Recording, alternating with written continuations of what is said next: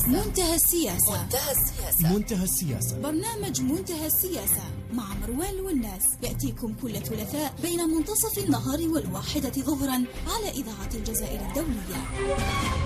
منتهى السياسة.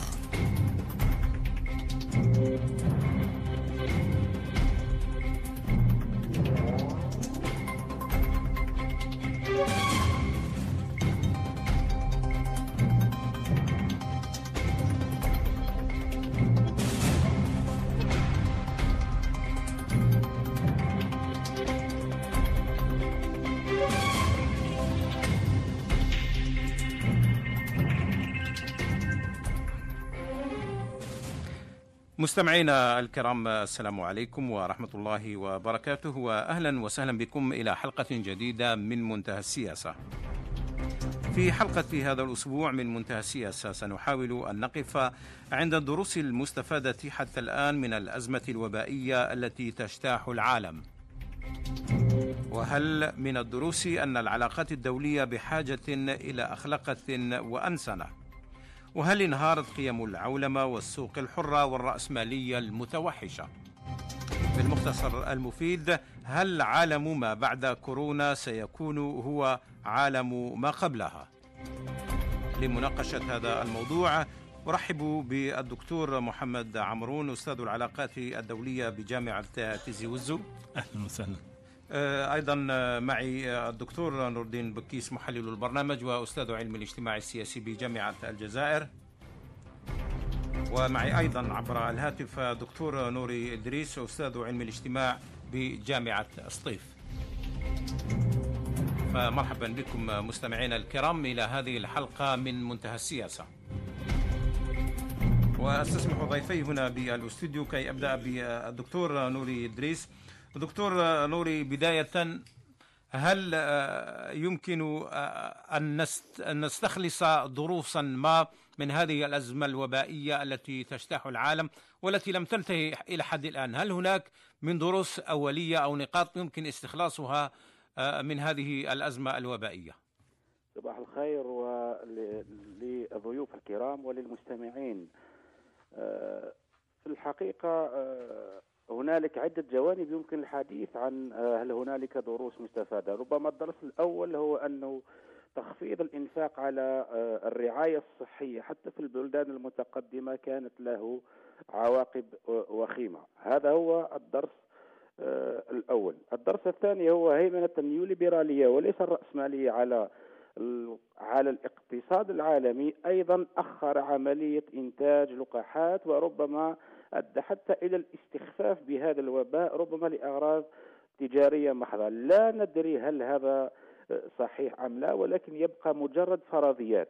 هذا هما الدرسين الكبيرين وربما ما سنلاحظه في المستقبل هو أن حتى الشركات الرأسمالية الكبرى التي تحقق أرباحها ويرتبط نشاطها مباشرة باستمرار تدفقات التدفقات العالمية ربما أيضا ستوجه جزء من أرباحها لدعم منظومة الرعاية الصحية ولدعم الأبحاث في مجال الاوبئه والفيروسات تفاديا لإغلاق عالمي جديد ربما ستكون هي أول المتضررين من إيقاف من إيقاف الأنشطة الاقتصادية والتبادلات على المستوى الدولي.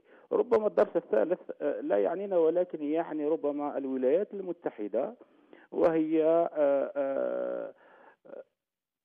ترامب سير سير الولايات المتحدة بنوع من النرجسية وبنوع من الغرور وكما فعل هتلر في سابق مع كل الفاشيات ودفعوا ثمنا باهظا وأي تغيير في الولايات المتحدة سواء على مستوى توجهاتها السياسية أو على مستوى موقفها من الصين ومن العالم كامل سوف يؤدي أيضا إلى تغيرات على مستوى العلاقات الدولية ككل. أعتقد هذه ثلاث دروس كبرى يمكن استخلاصها. طيب دكتور نوري أرجو أن تبقى معي الدكتور محمد عمراني استمعت إلى ما قاله الدكتور نوري إدريس أستاذ علم الاجتماع بجامعة الصيف حول أهم نقاط يمكن أن تستخلص من هذه الأزمة الوبائية التي لم تنتهي بعد يعني فيما يتعلق خاصة بما اسمها بالنيو ليبراليه التي بالفعل صباح الخير وسعيد بوجودي معكم. وفي الحقيقة عندما نتحدث عن جائحة كورونا آه، تأثيراتها متعددة على جميع المستويات انطلاقا من الفرد مرورا بالمجتمع الدولة فالمنتظم الدولي وصولا إلى النظام الدولي. طبعا هذه الجائحة لم تنتهي بعد ولم تكمل ولم نكمل صدمتنا من هذه الجائحة. على اعتبار أنه ما حدث في الأشهر السابقة خلق نوع من الصدمة على مستوى المجتمع الدولي من مستويين أو من ناحيتين. الناحية الأولى وهو أننا لم نكن نتوقع ونحن في القرن الواحد وعشرين بهذه التكنولوجيا بما وصل إليه الإنسان من النانو إلى غاية وصوله إلى الفضاء أن تجتاحه جائحة بهذا المستوى ويصبح عاجزا وتحصد عشرات بل مئات الآلاف من آه، الأرواح. النقطة الثانية هي الطريقة التي تعاملت بها الدول مع هذه الجائحة. في الوقت الذي كان المنتظم الدولي على الأقل النظام الدولي يتباهى بمستوى التعاون والتكامل الذي وصل إليه. وجدنا اليوم أنفسنا أمام أنانية مفرطة للدول في تعاملها مع هذا الوباء مما خلق حالة استياء دولية من طرف كثير من الفواعل. النقطة الثانية التي يجب أن نتحدث عليها فيما يتعلق بهذه الجائحة أو هذه آه، جائحة آه، كورونا. أننا أمام تغير واضح أو على الأقل بداية لتغير في تفكير في قيمنا لأنه هذه الجائحة لم تغير فقط على المستوى الصحي أو على المستوى الاقتصادي بل حتى على المستوى القيمي والأخلاقي. الذي من دون شك سنبدأ كإنسان اولا نبدأ كمواطن الإنسان أننا نفكر في كيفية جعل هذا العالم أكثر إنسانية. لكن التجارب الإنسانية أيضا أثبتت بأنه في كثير من الأحيان عندما تحدث ازمه قد نصبح أكثر تغولا وأكثر توحشا من ذي قبل. لذلك لا يجب أن نتسرع في الحديث عن آه، طبيعة التغير الذي سيحصل فيه المنتظم الدولي. لكن الشيء الذي نتفق عليه أن العالم اليوم مع جائحة كورونا من دون شك بدأنا في التفكير في عملية التغيير وأعتقد بأنه كل ما يحدث اليوم بين الولايات المتحدة الأمريكية وبين الصين هو بداية لمحاولة التغيير أو محاولة التفكير سواء على مستوى الولايات المتحدة الأمريكية أو على مستوى قوة صاعدة الآن بدأت تبرز وهي الصين. لكن في النهاية أقول بأنه أهم الاستخ... أهم طيب. استخلاص الذي يمكن أن نستخلصه من جائحة كورونا أننا في هذا النظام الدولي كنا بحاجة أن نعتني بالإنسان قبل أن نعتني بشيء آخر. إحنا اكتشفنا أنه أنظمة الرعاية الصحية للأسف الشديد في كثير من الدول. ليه لا نستطيع أن نفسر أو نفهم كيف أن هذه الجائحة يعني مست بدرجة كبيرة الدول المتقدمة والمتطورة يعني التي لديها منظومة صحية قوية نتحدث يعني عن رعاية صحية أحسن على الأقل من كثير صحيح. من الدول النامية. طيب دكتور نور الدين بكيس يعني فعلا الجائحة لم تنتهي. بعد نحن في آه، آه، في خضمها ولا تزال هذه آه، الجائحة في وجهها إن صح. التعبير. لكن في النهاية يمكن أن نلمس بعض النقاط التي مستها هذه الجائحة وهي الآن يعني لم تعد من المسلمات لم تعد من الأشياء التي يمكن أن يتغاضى عنها آه، الإنسان أو حتى المحلل أو الملاحظ. شكرا مروان آه، مساء الخير لكل المستمعين. نظن آه، أخ مروان أنه ليس هناك تغير حقيقي. من منطلق ماذا؟ نحن ننطلق في التعاطي مع كورونا. العالم ينطلق في التعاطي على أساس أنه وضع استثنائي وينتظر العودة إلى ما كانت عليه. والدليل على ذلك مثلا هو تسقيف النزاعات. اليوم حالة العجز لا لا تؤدي بالضرورة لتغييرات كما حصل في السابق. لأنه في السابق الأزمات التي أتت كانت جراء صدامات وصراعات. اليوم لا نشهد صدامات وصراعات. على أساس أن كورونا هي غريبة هي ليست من فعل الإنسان وبالتالي كل وهي عادلة مع كل الدول أي بمعنى تضغط على الجميع. حالة العجز يعيش وتعيشها الدول الكبرى كما تعيشها الدول الصغرى. الغالي تنظيميا ومؤسساتيا ليس ليست هناك أي إشارات نحو أي تحول مستقبلي وإنما هناك إرادة للمحافظة أو العودة إلى الوضع السابق والدليل على ذلك أن التسويات الحاصلة اليوم في النزاعات المسلحة والصراعات حتى الاقتصادية وكأنها نوع من التعليق للنزاع نوع من التعليق للصراع. وبالتالي لسنا أمام مشهد التغير. قد يكون مشهد التغير على أساس فردي ومجموعاتي لكن ليس مؤسساتي. والذي يزيد من تعقيد الأوضاع أن المؤسسات سيطرت على الفرد أنه حتى الأفراد اليوم في العالم يطالبون بمزيد من الأدوار للدولة للدولة المراقبة. أي بمعنى نحن نتجه إلى تثبيت المؤسسات القائمة وليس إضعافها وليس هناك مشروع تحول فكري من أجل تغيير تغيير منظومات لأن المنظومات القائمة لا تفكر في ذلك إطلاقا. وبالتالي نحن لسنا أمام أمنية التحول نحن لازلنا أمام تثبيت الوضع القائم عند الجميع عند كل القوى والدول الكبرى ولسنا أمام المشروع السابق مثل مثلا الحرب العالمية الثانية أو أزمة 29 إلى آخره أين غيرت موازين القوى بشكل كلي؟ اليوم الكل متضرر وتبقى الدول التي تستطيع أن تحافظ على توازنها نسبيا وقدرتها هي الدول القوية. أي بمعنى ليست هناك معادلات تتغير بهذه البساطة. لكن هناك قيم تأثرت. يعني عندما نتحدث مثلا عن قيم العولمة في مقابل عودة الدولة القطرية والدولة الوطنية يعني مهم. التي تحافظ على نعم. المصلحة الخاصة للدولة. أيضا هناك آه، معطى آخر يعني قيمة السوق الحرة. أصبحنا نتحدث عن الدولة المتدخلة التي تتدخل لحماية الاقتصاد في دولة ليبرالية مثل الولايات المتحدة. أستاذ في آه، أنا أريد أن نقطة واحدة فقط مهمة جدا. ليس هناك اعتراض على النظم. وعلى الأنظمة وإنما هناك رغبة في التغيير طريقة التسيير أي إصلاحات. وهذا يشكل فارقا مهما جدا. ليس هناك اعتراض اليوم مؤسساتي على على الأنظمة في الدول الكبرى وإنما المطالبة بإصلاح القطاع الصحي المنظومة الصحية يعني بتغيير في السياسات والأداءات. نعم. لنسمع رأي الدكتور آه، نوري إدريس في هذه النقطة. يعني عن التغيرات المرتقبة بناء على ما يحدث حاليا هناك قيم تضررت أو تأثرت. قيم العولمة قيم السوق الحرة يعني أشياء ما بدأت يعني الأمور ليست آه، ثابتة إلى حد كبير. لا نتحدث عن تغيير لأن الأمر ما يزال مبكرا لكن هناك ملامح أولية يمكن أن نتحدث عنها. أعتقد أنه الدكتور بوكيس محق إلى حد كبير ولكن يجب أن نؤكد على شيء. على أن العولمة هي جزء من تطور العالم وليست خيار مسبق تم التخطيط له هي جزء من التطور وهو التطور الذي نعيش عليه ولا مفر من المواصله في العيش فيه. لا يمكن الرجوع إلى عالم غير متصل إلى عالم غير متكامل اقتصاديا وغير مترابط اقتصاديا. هذه حقائق أصبحت جزء من العالم الحديث. وبالتالي أعتقد أن أي معالجة وتفكير مستقبلي في سواء في الوباء الحالي أو في الاوبئه القادمة سوف تتم ضمن نفس المنطق الذي يحكم الراسماليه اليوم ومنطق العلاقات الدولية.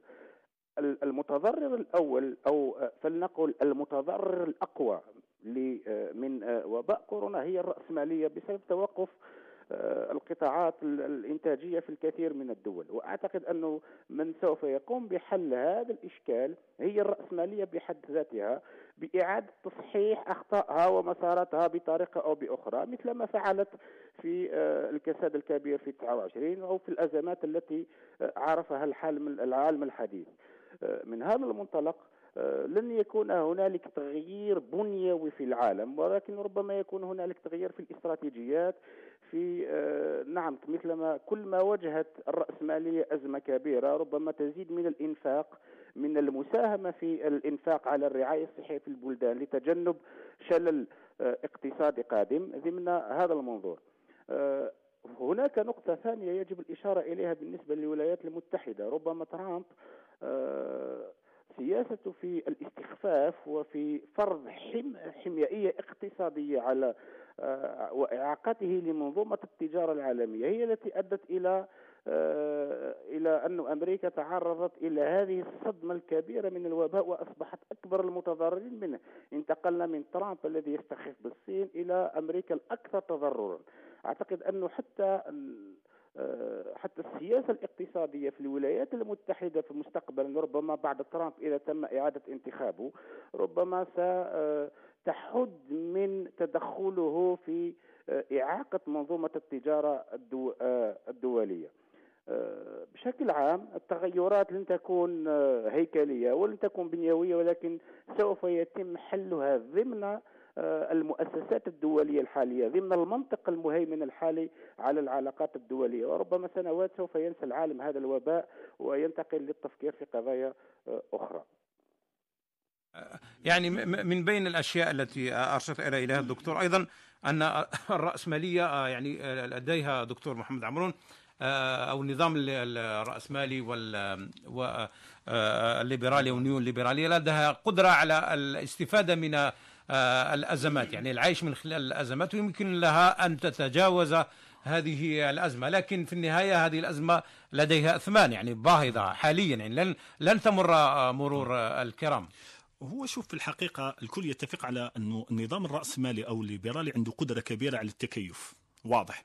وقدرة كبيرة على إنتاج حلول سريعة في أزماته. لكن ما هو ملاحظ في السنوات الأخيرة أنه هذا النظام الليبرالي الذي كان تأتيه أزمات كل عشر سنوات أو كل عشرين سنة. أصبح الآن يتخبط في أزمات كل خمس سنوات ست سنوات تقريبا. وبالتالي فترة الأزمة داخل النظام الليبرالي أصبحت صغيرة جدا. وهذا بين أزمة أخرى بين فترة أزمة قصيرة, فترة قصيرة. نعطيك. مثلا أزمة الرهن الأمريكي ثم أزمة ممتاز ثم أزمة اليونان وأزمة الاتحاد الأوروبي وأزمة الدين في اليونان ثم بعد ذلك نحن أمام ركود اقتصادي عالمي كبير. إذا نحن أمام نظام ليبرالي أصبح يعيش في أزمات في فترات زمنية قصيرة. ونحن نعرف في صناعة القرار أنه أكبر عدو لصانع القرار هو ضيق الوقت. عندما يصبح هذا النظام ضاغطا, ضاغطا عليه الوقت يصبح أيضا ينتج في حلول خاطئة وهي بدايات لتراجع هذا النظام الليبرالي. هل هل أنا عفوا هذه نقطة مهمة. هل ظهر هذا الارتباك وهذا وهذا الخلل في هذه الأزمة؟ يعني عامل الوقت يعني سوء تقدير في البداية واضح واضح أنه واضح أنه كان هناك سوء تقدير كبير أو سوء إدراك لصناع القرار خصوصا في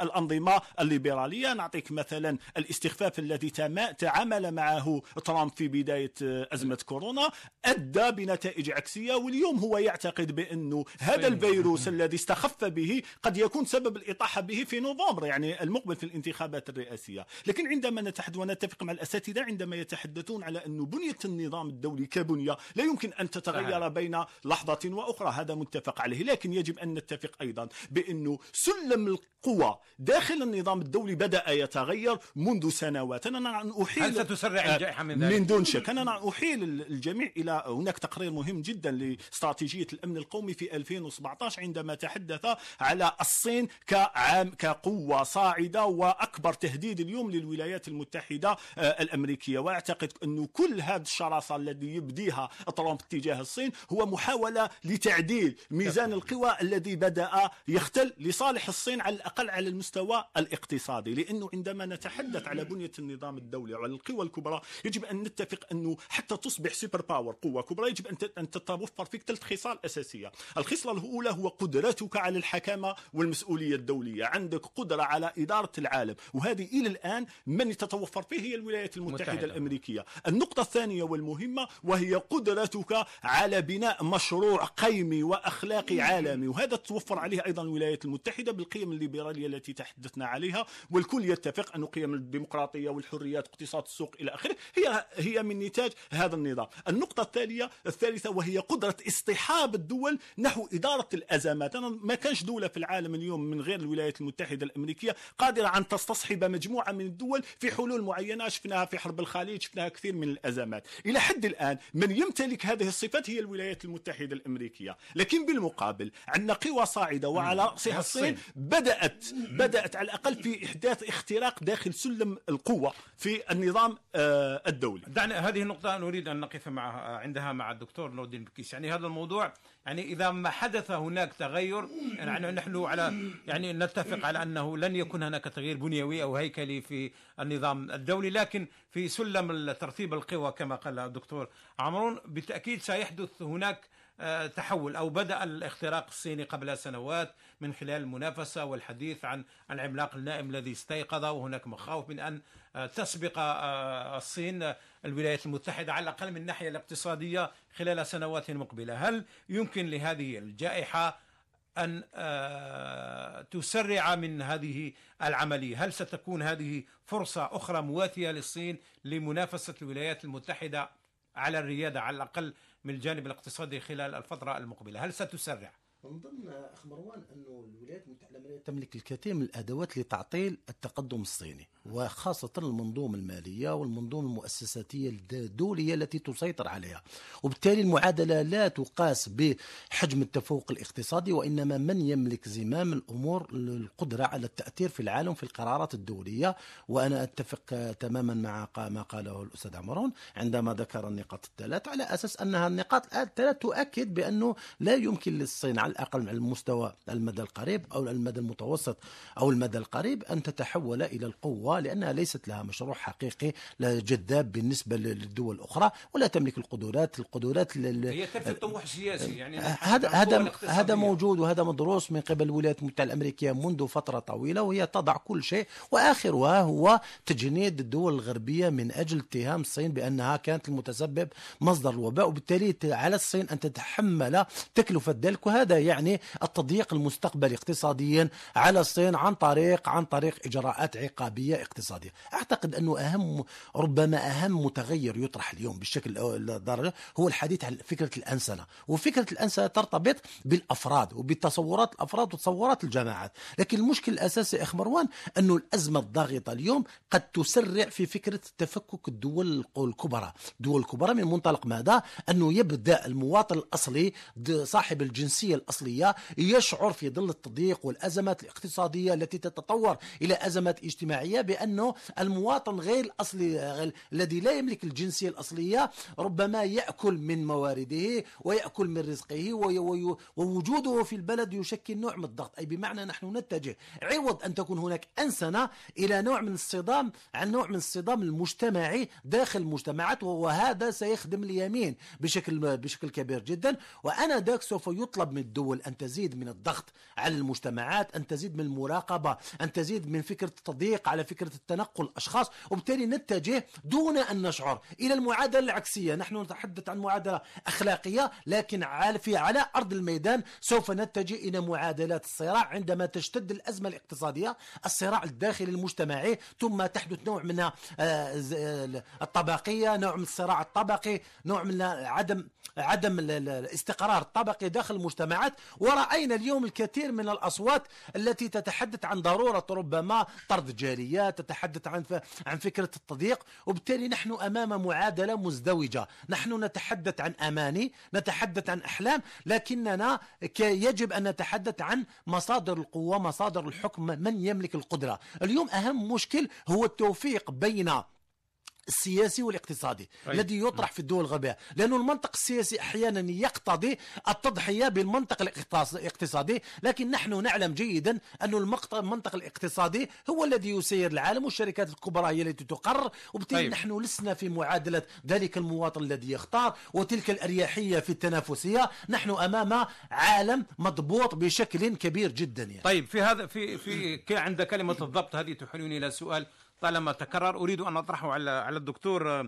نوري إدريس. يعني من بين الانتقادات التي وجهت أيضا للدول آه، الليبرالية حيث الحريات الفردية والجماعية وحيث للمواطن آه، الغربي منتهى الحرية في الانصياع وعدم الانصياع يقال بأن هذه الأنظمة الليبرالية التي تنتهج ديمقراطية كان آه، عدم التحكم في هذا الوباء الذي آه، أبدى بحياة مئات الآلاف. أنه الدول يعني هذه الأنظمة لديها تحترم قيم الديمقراطية والحرية أنظمة مفتوحة إن صح التعبير. على عكس الصين مثلا الذي هو نظام مغلق شمولي تمكنت من فرض الانضباط الشديد وبالتالي التحكم في الخسائر الكبيرة التي يخلفها هذا الوباء. إلى أي مدى تبدو هذه المقاربة سليمة؟ هي مقاربة مخادعة بعض الشيء لأنه السؤال آه، يجب أن أن نطرحه بصيغة أخرى يعني. ما هو حجم على المدى البعيد على مدة زمنية طويلة معينة؟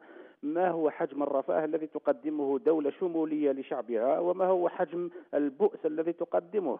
يعني في فترة استثنائية وبائية لا يشعر المواطن في دول ديمقراطية على أن على أن تخليه عن بعض الحريات عن حرية التنقل عن آه، حرية حتى حرية التعبير لا يشعر بأنه نوع من عودة الدكتاتورية ومن ومن الاضطهاد لأنه آه، هنالك نوع من الحد الأدنى من الثقة الموجودة في النظام السياسي وفي الدولة ككل وهو يعرف أنه القرارات يتم مناقشتها بشكل جماعي على الأقل نظريا وبالتالي لا يشعر بأن ما يقام به هو تضييق الحريات بقدر ما هو آه، ضمان لصحته. ويعرف وربما هنالك حتى نوع من الثقة في المؤسسات الصحية وفي المؤسسات العلمية على إيجاد حل آه، على المدى في اقصى في في أقصى في أقصى تقدير في آه، أقصر وقت للخروج من هذا الوباء. ولكن في الدول الشمولية التسلطية هي تعرف أنه الفرد حتى حتى حتى حتى الإجراءات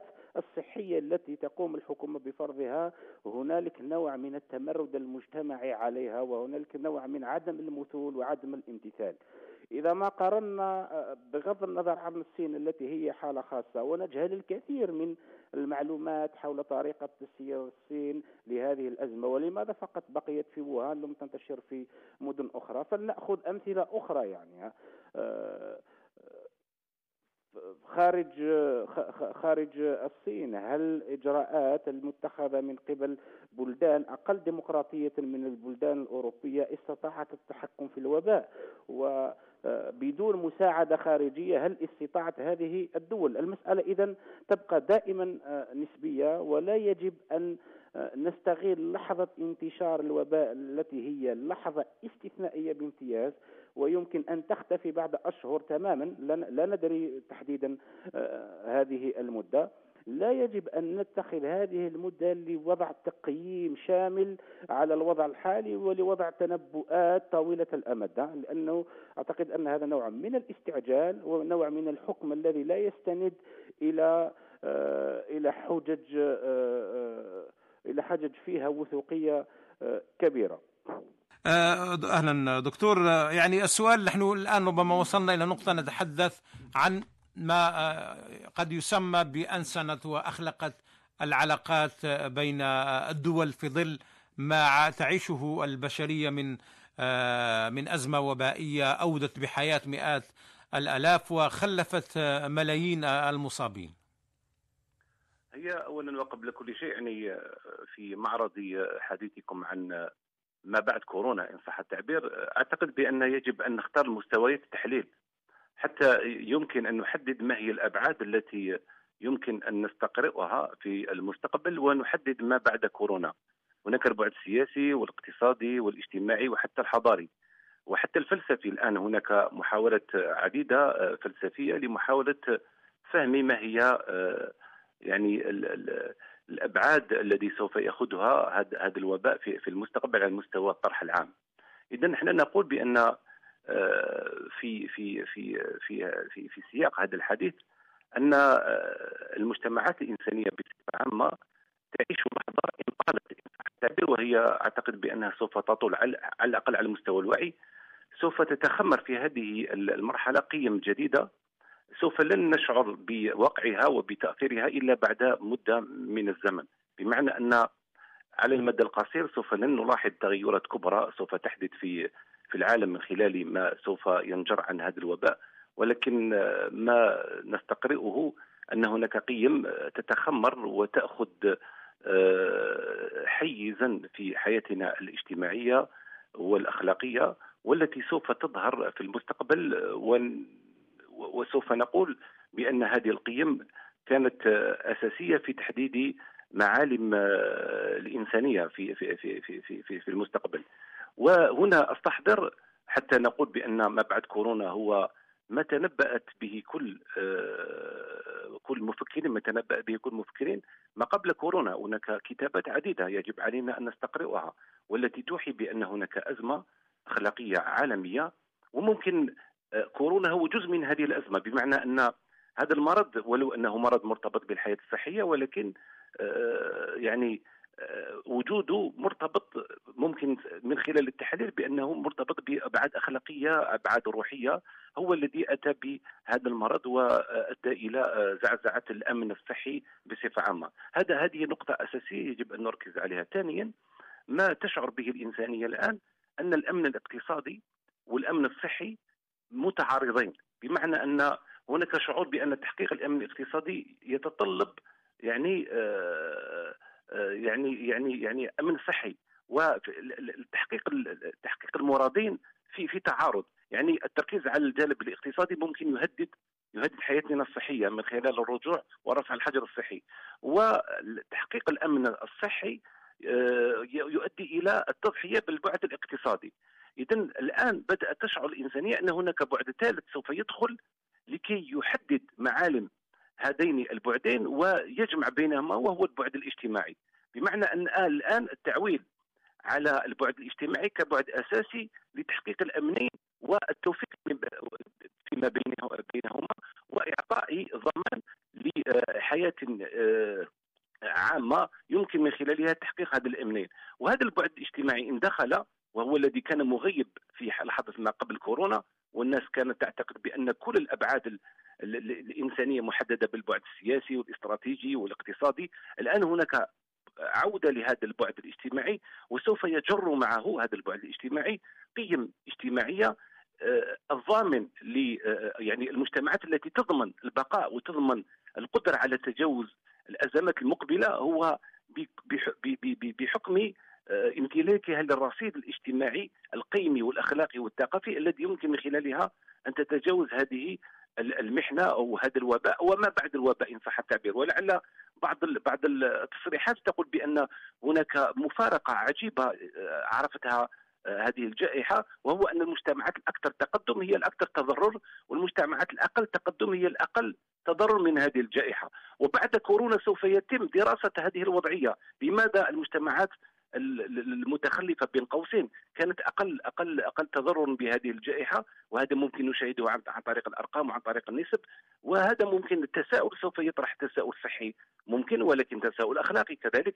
آه، وهذا يؤدي بنا إلى آه، استقراء بأن هناك شيء ما تملكه هذه المجتمعات استطاعت أن آه، تؤمن لنفسها أو تؤمن نفسها من هذه نعم. الجائحة نعم. وبالتالي الخروج بوضع أقل ضررا من طيب. من من من سوف يحصل نعم. س... يحصل للمجتمعات المت... يعني نعم. المتقدمة نعم سأعود إليك دكتور يوسف ارجو ان تبقى معي الدكتور محمد عمرون يعني أشار أثار الدكتور يوسف حنطبلي أستاذ علم الاجتماع بجامعة البليدة بعض النقاط لكن أنا أريد العودة إلى موضوع الأنسنة وال والأخلاق أخلاقات العلاقات الدولية. أنت تحدثت عن سلم قد يحدث التغيير قد يحدث في سلم ترتيب آه، القوى على المدى آه، أو على المدى البعيد في المرحلة المقبلة.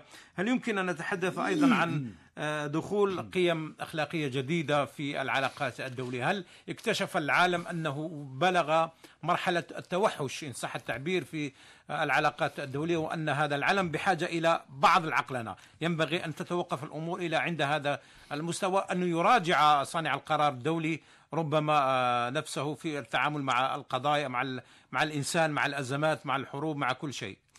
هو في الحقيقة إحنا عندنا على مستوى العلاقات الدولية آه، مدرسة كاملة تسمى بالمدرسة المثالية وهي أولى المدارس التي صحيح. حاولت أن تفسر العلاقات والجماعة. الدولية والتي جعلت من القيم والأخلاق والقانون والمؤسسات الدولية أحد أدبياتها وأحد الافتراضات صحيح. الأساسية لها لكن هذه آه، المدرسة طبعا تراجعت مع الواقعية. وجود المدرسة الواقعية التي تبقى أحد المدارس المهمة التي حاولت أن تفسر الوضع الدولي طبعا جائحة كورونا من دون شك ستعيد ترتيب بعض القيم. نعطيك مثال.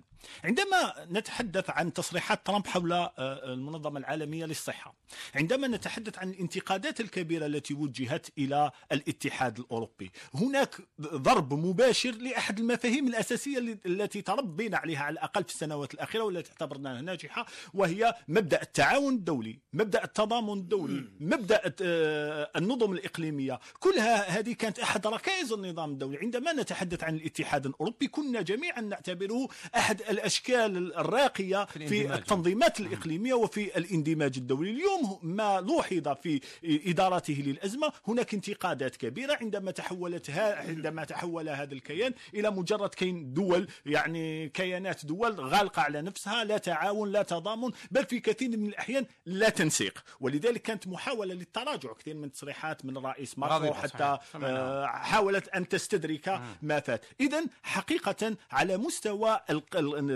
المفهوم القيمي والأخلاقي لبعض المصطلحات اللي كانت عندنا في العلاقات الدولية مهمة قد تتراجع. لكن أنا قلت في البداية أنه نحن أمام طريقين ما بعد الجائحة طالت أم قصرت. إما أنه هذا النظام الدولي أو العالم يتجه إلى تعاون أكبر.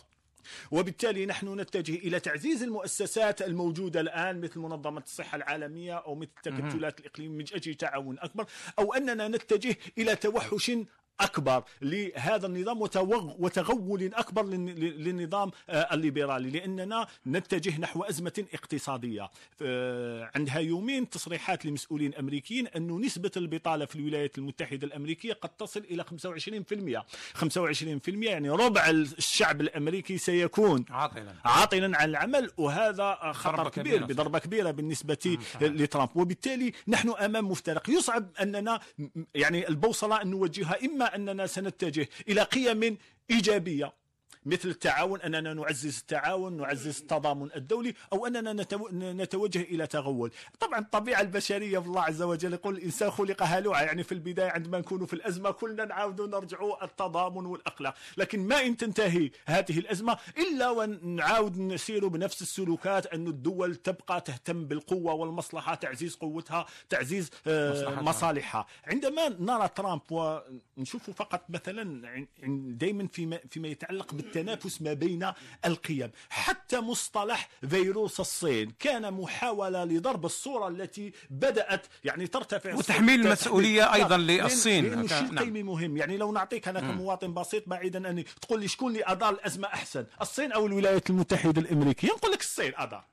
واضح. ما هو مشاع؟ حتى لعبة الصين على الصورة تاعها على اعتبار أنها استطاعت أن يعني آه، تدير هذه الأزمة على الأقل إنسانيا عن طريق المساعدات اللي قدمتها. دكتور نور الدين بكيس يعني موضوع الأنسنة والأخلاق في آه، العلاقات الدولية أيضا موضوع مهم. قال الدكتور يوسف حنطبلي تحدث عن أن البعد الاجتماعي سيجر ربما مستقبلا قيم روحية وأخلاقية ولا يظهر هذه القيمة إلا في المجتمعات التي تحافظ على هذه آه، القيم الأخلاقية والروحية وتساءل يعني في هذا الجانب عن لماذا الدول المتقدمة والمتطورة آه، هي التي سجلت عدد هائل من الضحايا بينما الدول المتخلفة التي منظومتها الصحية ربما أقل قدرة على مواجهة مثل هذه الأوبئة سجلت نسب آه، إصابات ووفيات أقل. هو شوف أخ مروان نظن باللي المعادلة الأخلاقية نظن باللي مؤقتة. مؤقتة علاش؟ لماذا؟ لأنه عوامل من يصنع الإدراك في العالم. من يصنع الوعي في العالم؟ الدول الكبرى عن طريق مختلف المؤسسات الإعلامية إلى آخره هي التي تنتج المعنى في العالم. يعني نحن أمام صدمة. هذه الصدمة هي مؤقتة. مفعول الصدمة سوف يتلاشى تدريجيا بمجرد العودة إلى نوع من الحياة الطبيعية. وبالتالي أصحاب الخطاب الأخلاقي والعاطفي يستغلون دائما الأزمات ويتحدثون عن تحولات كبرى لكن لم تحدث إطلاقا. كان الحديث في السابق يتحدث عن انهيار المعسكر الأمريكي الليبرالي الأمريكي ولم يحدث حدود ذلك وعن إلى أشياء كثيرة يتحدث عنها. اليوم نحن أمام واقع الواقع يقول بأنه هناك مركز للعالم. المركز العام هو الذي يقرر هو الذي يصنع المعنى هو الذي يصنع السلوك المستقبلي لأطفالنا ولأبنائنا. وبالتالي عندما لا تمتلك تمتلك القدرة على التخندق داخل المنظومة الدولية لا يمكن لك أن تكون مؤثرا. ما يحدث اليوم هو حالة عارضة هي حالة مؤقتة هو نوع من التعليق لربما نوع من العجز العجز الشامل العجز الكلي الذي قد لا يظهر فيه علامات القوة الحقيقية. لكن باسترجاع نسبيا. الأوضاع أعتقد أنه سوف تعود يعود الوضع إلى إنتاج نفس المعنى القديم حتى أنك سوف يخرج علينا الممثلين نفس المشاهير ما قبل كورونا هم الذين سوف يتقمصون أدوار شخصيات الطبيب وشخصيات شخصيات المنقذ إلى آخره. وبالتالي أنا قلت كلمة مهمة جدا وأن هذا العالم مراقب مراقب في أقل جزء في أصغر جزئياته ولا يمكن أن ينخدع أو أن يصطدم اليوم. يعني النخب التي تدير العالم بهذا الفكر وتلك الأخلاق إلى آخره لأنه بعد كورونا سوف يبقى نفس الأفراد الذين الموجودون في الدول الضعيفة الهشة التي نتحدث عن فكرة التي تتمتع بالأخلاق يهاجرون بكل الطرق إلى الدول الكبرى إلى الدول الغنية وحتى الصين النموذج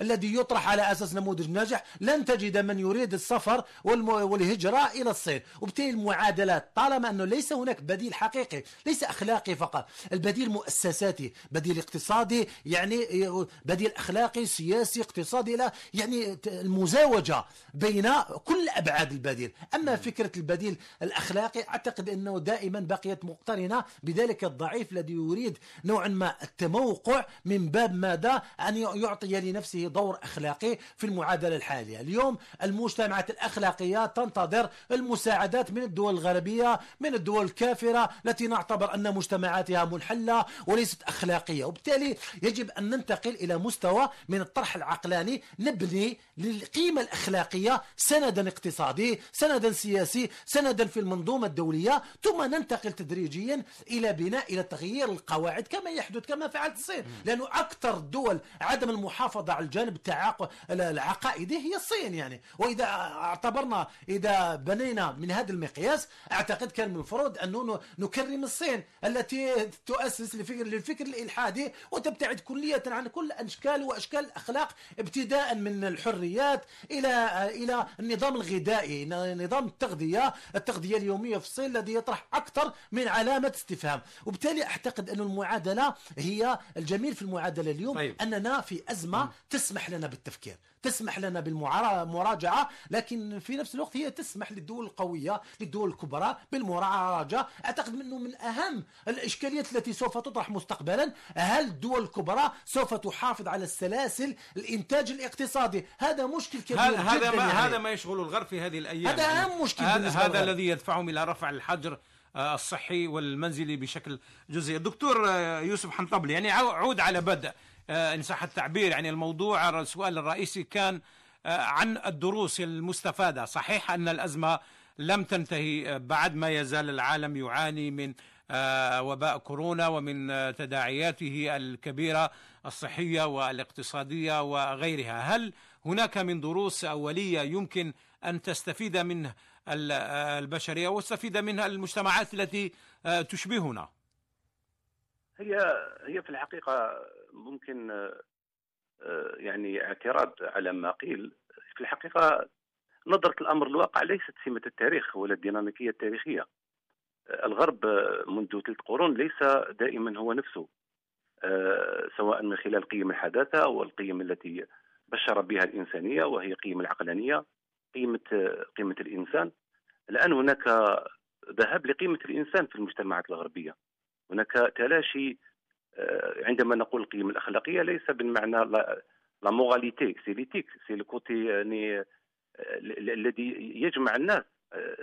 الضامن للروابط الاجتماعية الان القيم القيم الأخلاقية ليست القيم الوعظية التي نتداولها في مجالسنا وفي وفي في لحظات نشوتنا الروحية والأخلاقية، القيم الروحية الآن هي ضامن للروابط الاجتماعية وليست يعني قضيه قضية هكذا ميتافيزيقية.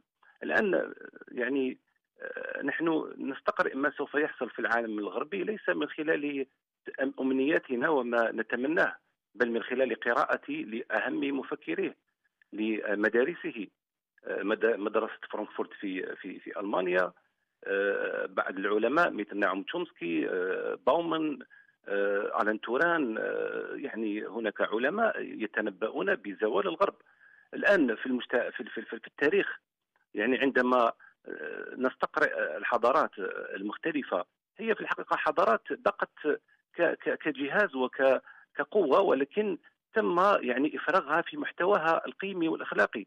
الحضارة اليونانية بقت ثلاث قرون أربع قرون ولكن بعد قراءة لتاريخها اعتقد بأن موت سقراط وأرسطو وأفلاطون كانت هي بداية النهاية ولكن النهاية لم تدرك إلا بعد قرون. الآن نتكلم عن مآلات المجتمعات الإنسانية في المستقبل ولا نتكلم عن اللحظة التي نعيشها الآن. الآن نحن كمختصين نرى بأن في المدى المدى البعيد هناك تخمر لقيم جديدة في لحظة الوباء سوف تظهر ولن يستقرئها إلا من لديه القدرة على فهم ما يحصل الآن. الآن هناك بعض الناس تعتقد بأن الحالة سوف ترجع إلى حالتها العادية ولكن لا أعتقد بأن هذا الوباء بهذه القوة وبهذا بهذا الوقع الذي عرفناه سوف يترك لا يترك صدى ولا يترك أثر آه، في المستقبل الإنسانية. دكتور يوسف حنطبلي شكرا جزيلا لك على هذه المشاركة دكتور محمد عمرون يعني في في النهاية هل العالم سيستفيد فعلا من هذه هذه الأزمة الوبائية أو عليه ينبغي عليه أن يستفيد بشكل أو بآخر. وهذا هو الأصح أنه علينا أن نستفيد كلنا. أنا قلت في البداية أنه تأثيرات هذه الجائحة على كل المستويات سواء على مستوى الفرد الدولة آه، النظم الإقليمية ثم بعد ذلك آه، النظام الدولي. لكن خليني في النهاية نقول أنه ما تحدثنا عليه اليوم هو صراع دائم ما بين القيمي وما بين الواقعي وهو أمر مطروح لدى كثير من المفكرين. لكن أيضا في النهاية نقول بأن إنه هذا النظام الدولي المبني اليوم على هذه الأحادية القطبية من دون شك سيتغير. يوم في يوم من الأيام سيتغير. مستحيل أن الولايات المتحدة الأمريكية تبقى قادرة على إدارة هذه العالم بالأدوات والأساليب الحالية.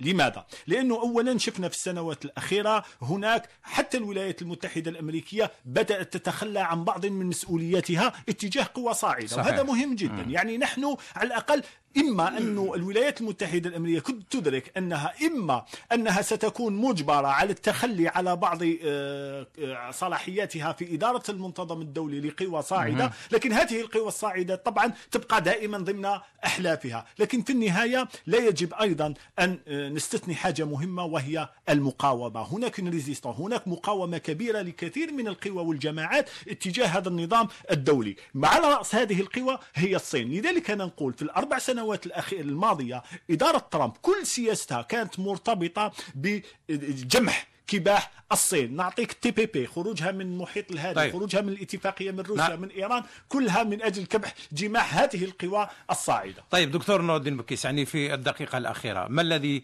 آه، ينبغي على العالم أن يستخلصه من هذه الأزمة إن كنا الأزمة الوبائية إن كنا نتحدث عن أن آه، الحديث عن تغييرات هو أمر مبكر وسابق لأوانه هناك أخ مروان هناك معركة شعارات ومعركة الأدوات. هي فرصة حقيقية من أجل الدول الضعيفة لكي تمرر الإجراءات القاسية للانطلاقة الحقيقية. لأنه صعب جدا للدول المتخلفة الدول التي لا تعيش تنمية حقيقية أن تتخذ إجراءات الإصلاحات الواقعية سواء سياسية اقتصادية إلى لكن هذه الفرصة تدفع الكثير من المواطنين لتقبل أشياء لم يكونوا يقبلهم من قبل بسبب تكلفتها الباهظة. وبالتالي هي فرصة لا تعوض لكل الدول الضعيفة من أجل بعد بعث مسار حقيقي لتنمية حقيقية من أجل أخذ مقعد في هذا العالم. أن يكون العكس هو الذي يحصل في الفترة وهذا سوف يزيد من تعزيم شكرا جزيلا لك دكتور نور الدين بكيس أستاذ علم الاجتماع السياسي بجامعة الجزائر والشكر أيضا موصول للدكتور محمد عمرون